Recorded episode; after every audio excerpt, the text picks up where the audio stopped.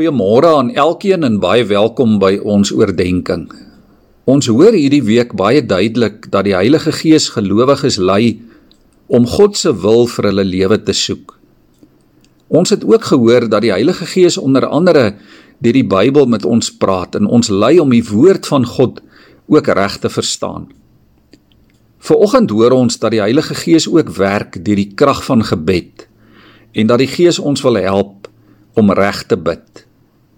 Hoor byvoorbeeld wat sê Paulus daar in Romeine 8 vers 26. Hy sê die Gees staan ons in ons swakheid by. Ons weet nie wat en hoe ons behoort te bid nie, maar die Gees self pleit vir ons met versigtings wat nie met woorde gesê word nie. En God wat die harte deurgrond, weet wat die bedoeling van die Gees is, want hy pleit vir ons volgens die wil van God vir die gelowiges. Ons kan sê, liewe vriende, die Gees vat jou en my deur mekaar en verwarde letters en woorde en sinne en hy rangskik dit op so 'n manier dat God dit hoor en dat God dit antwoord.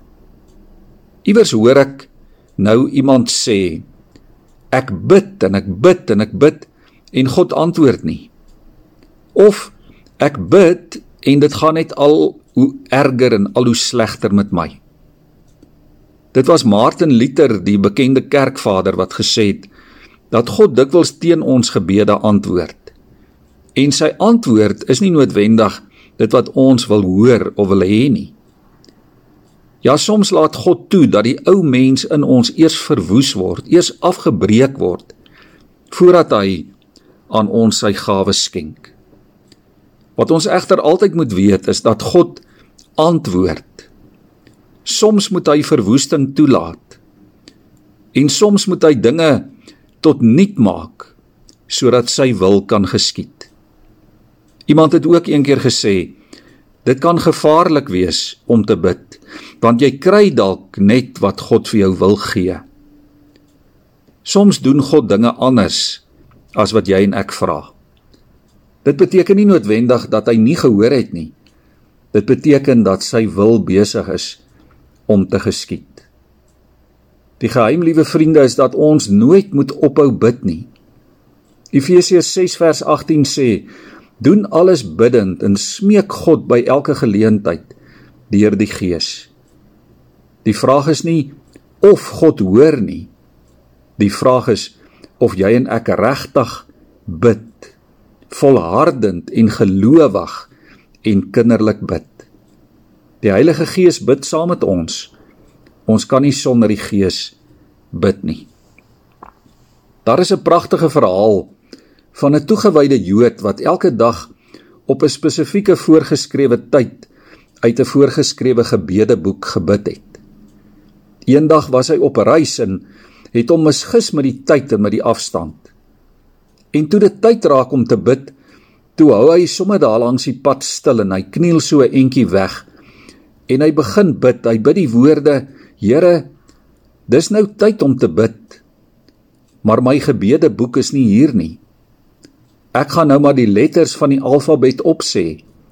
En u o Gees moet dit rangskik en 'n gebed vorm wat God sal behaag. Die verhaal vertel verder dat God in die hemel toe geglimlag het en vir die engele gesê het: "Dit is die mooiste gebed wat ek vandag gehoor het." Liewe vriende, kom ons bid saam. O Heilige Gees van God, dankie dat ons U kan vertrou. Dankie dat U ons krom en skewe gedagtes en woorde bymekaar maak, Here, en namens ons by die Vader pleit. U ken ons harte, U ken ons nood, U ken ons onsekerheid, ons vrese, ons bekommernis, ons hartseer, ons drome en behoeftes. Rangskik dit alles, o Heilige Gees, sodat dit vir die Vader sin maak. Ons weet nie self wat om te bid nie, maar U weet wat ons nodig het. Ons wil nie ophou bid nie, Here kom bid asseblief saam met ons.